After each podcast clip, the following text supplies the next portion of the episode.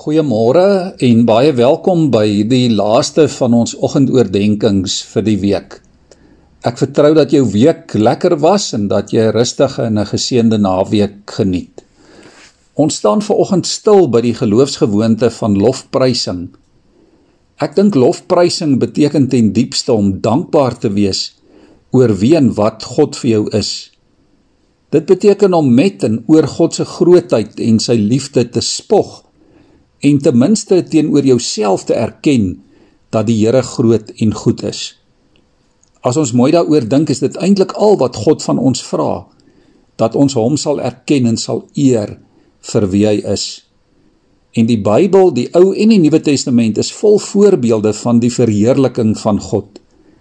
Die woord sê God bewys liefde en genade aan mense wat hom dien en eer. En ons moet dit doen omdat hy heilig is.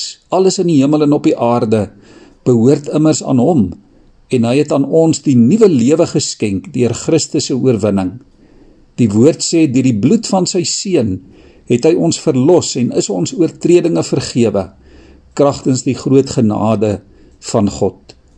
Dit is genoeg rede om God te loof en fees te vier. Die vraag is of ons verhouding met God van so aard is dat ons hom gedurig wil loof en prys. Het ons die Here lief genoeg dat ons sy naam wil grootmaak en hom wil verheerlik? Dit is waar dat ons in 'n moeilike wêreld leef. Dat ons omstandighede baie keer moeilik en traumaties is. Maar God bly tog dieselfde en sy liefde vir ons bly dieselfde. Hy is wie hy is. Al verstaan ons baie keer nie wat hy doen en wat hy toelaat nie. Hy bly lofwaardig en genadig. Dit is nie nodig dat ons omstandighede die lied in ons hart oor die grootheid van God demp nie. Ons kan hom juis steeds loof en eer en prys en dank al gaan dit soms ook sleg. Dawid sê: Selfs in die nag bly ek bewus van wat die Here my leer. Ek het die Here altyd by my. Daarom is ek nie bang nie. En in die tronk weet ons sit Paulus en Silas en hulle sing lofliedere tot eer van God. Dit wat in hierdie wêreld gebeur, mag nie ons entoesiasme oor die Here demp nie. Dit mag nie ons vreugde vlammetjies uitdoof nie. Die vraag is of jy en ek die Here lief genoeg het om nog steeds te sing. Deur sy Heilige Gees en deur sy woord gee hy ook vir ons geloof om wanneer ons vreugde vlammetjies die dag wel uitdoof, dit weer te laat brand ter wille van die eer van sy naam. Liewe vriende, lofprysing is 'n opdrag van God. Die Here sê as ons dit nie doen nie, sal die klippe dit uitroep.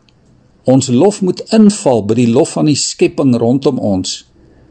Ja, soos die mossies elke oggend onder die sinkdak vrolik die begin van elke nuwe dag aankondig.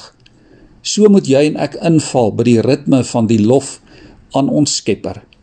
Ons moet dit doen deur gebed, deur sang en lofprysingsmusiek, deur getuienis wanneer ons ander vertel van die grootheid van God en deur die lees en die memorisering van God se woord.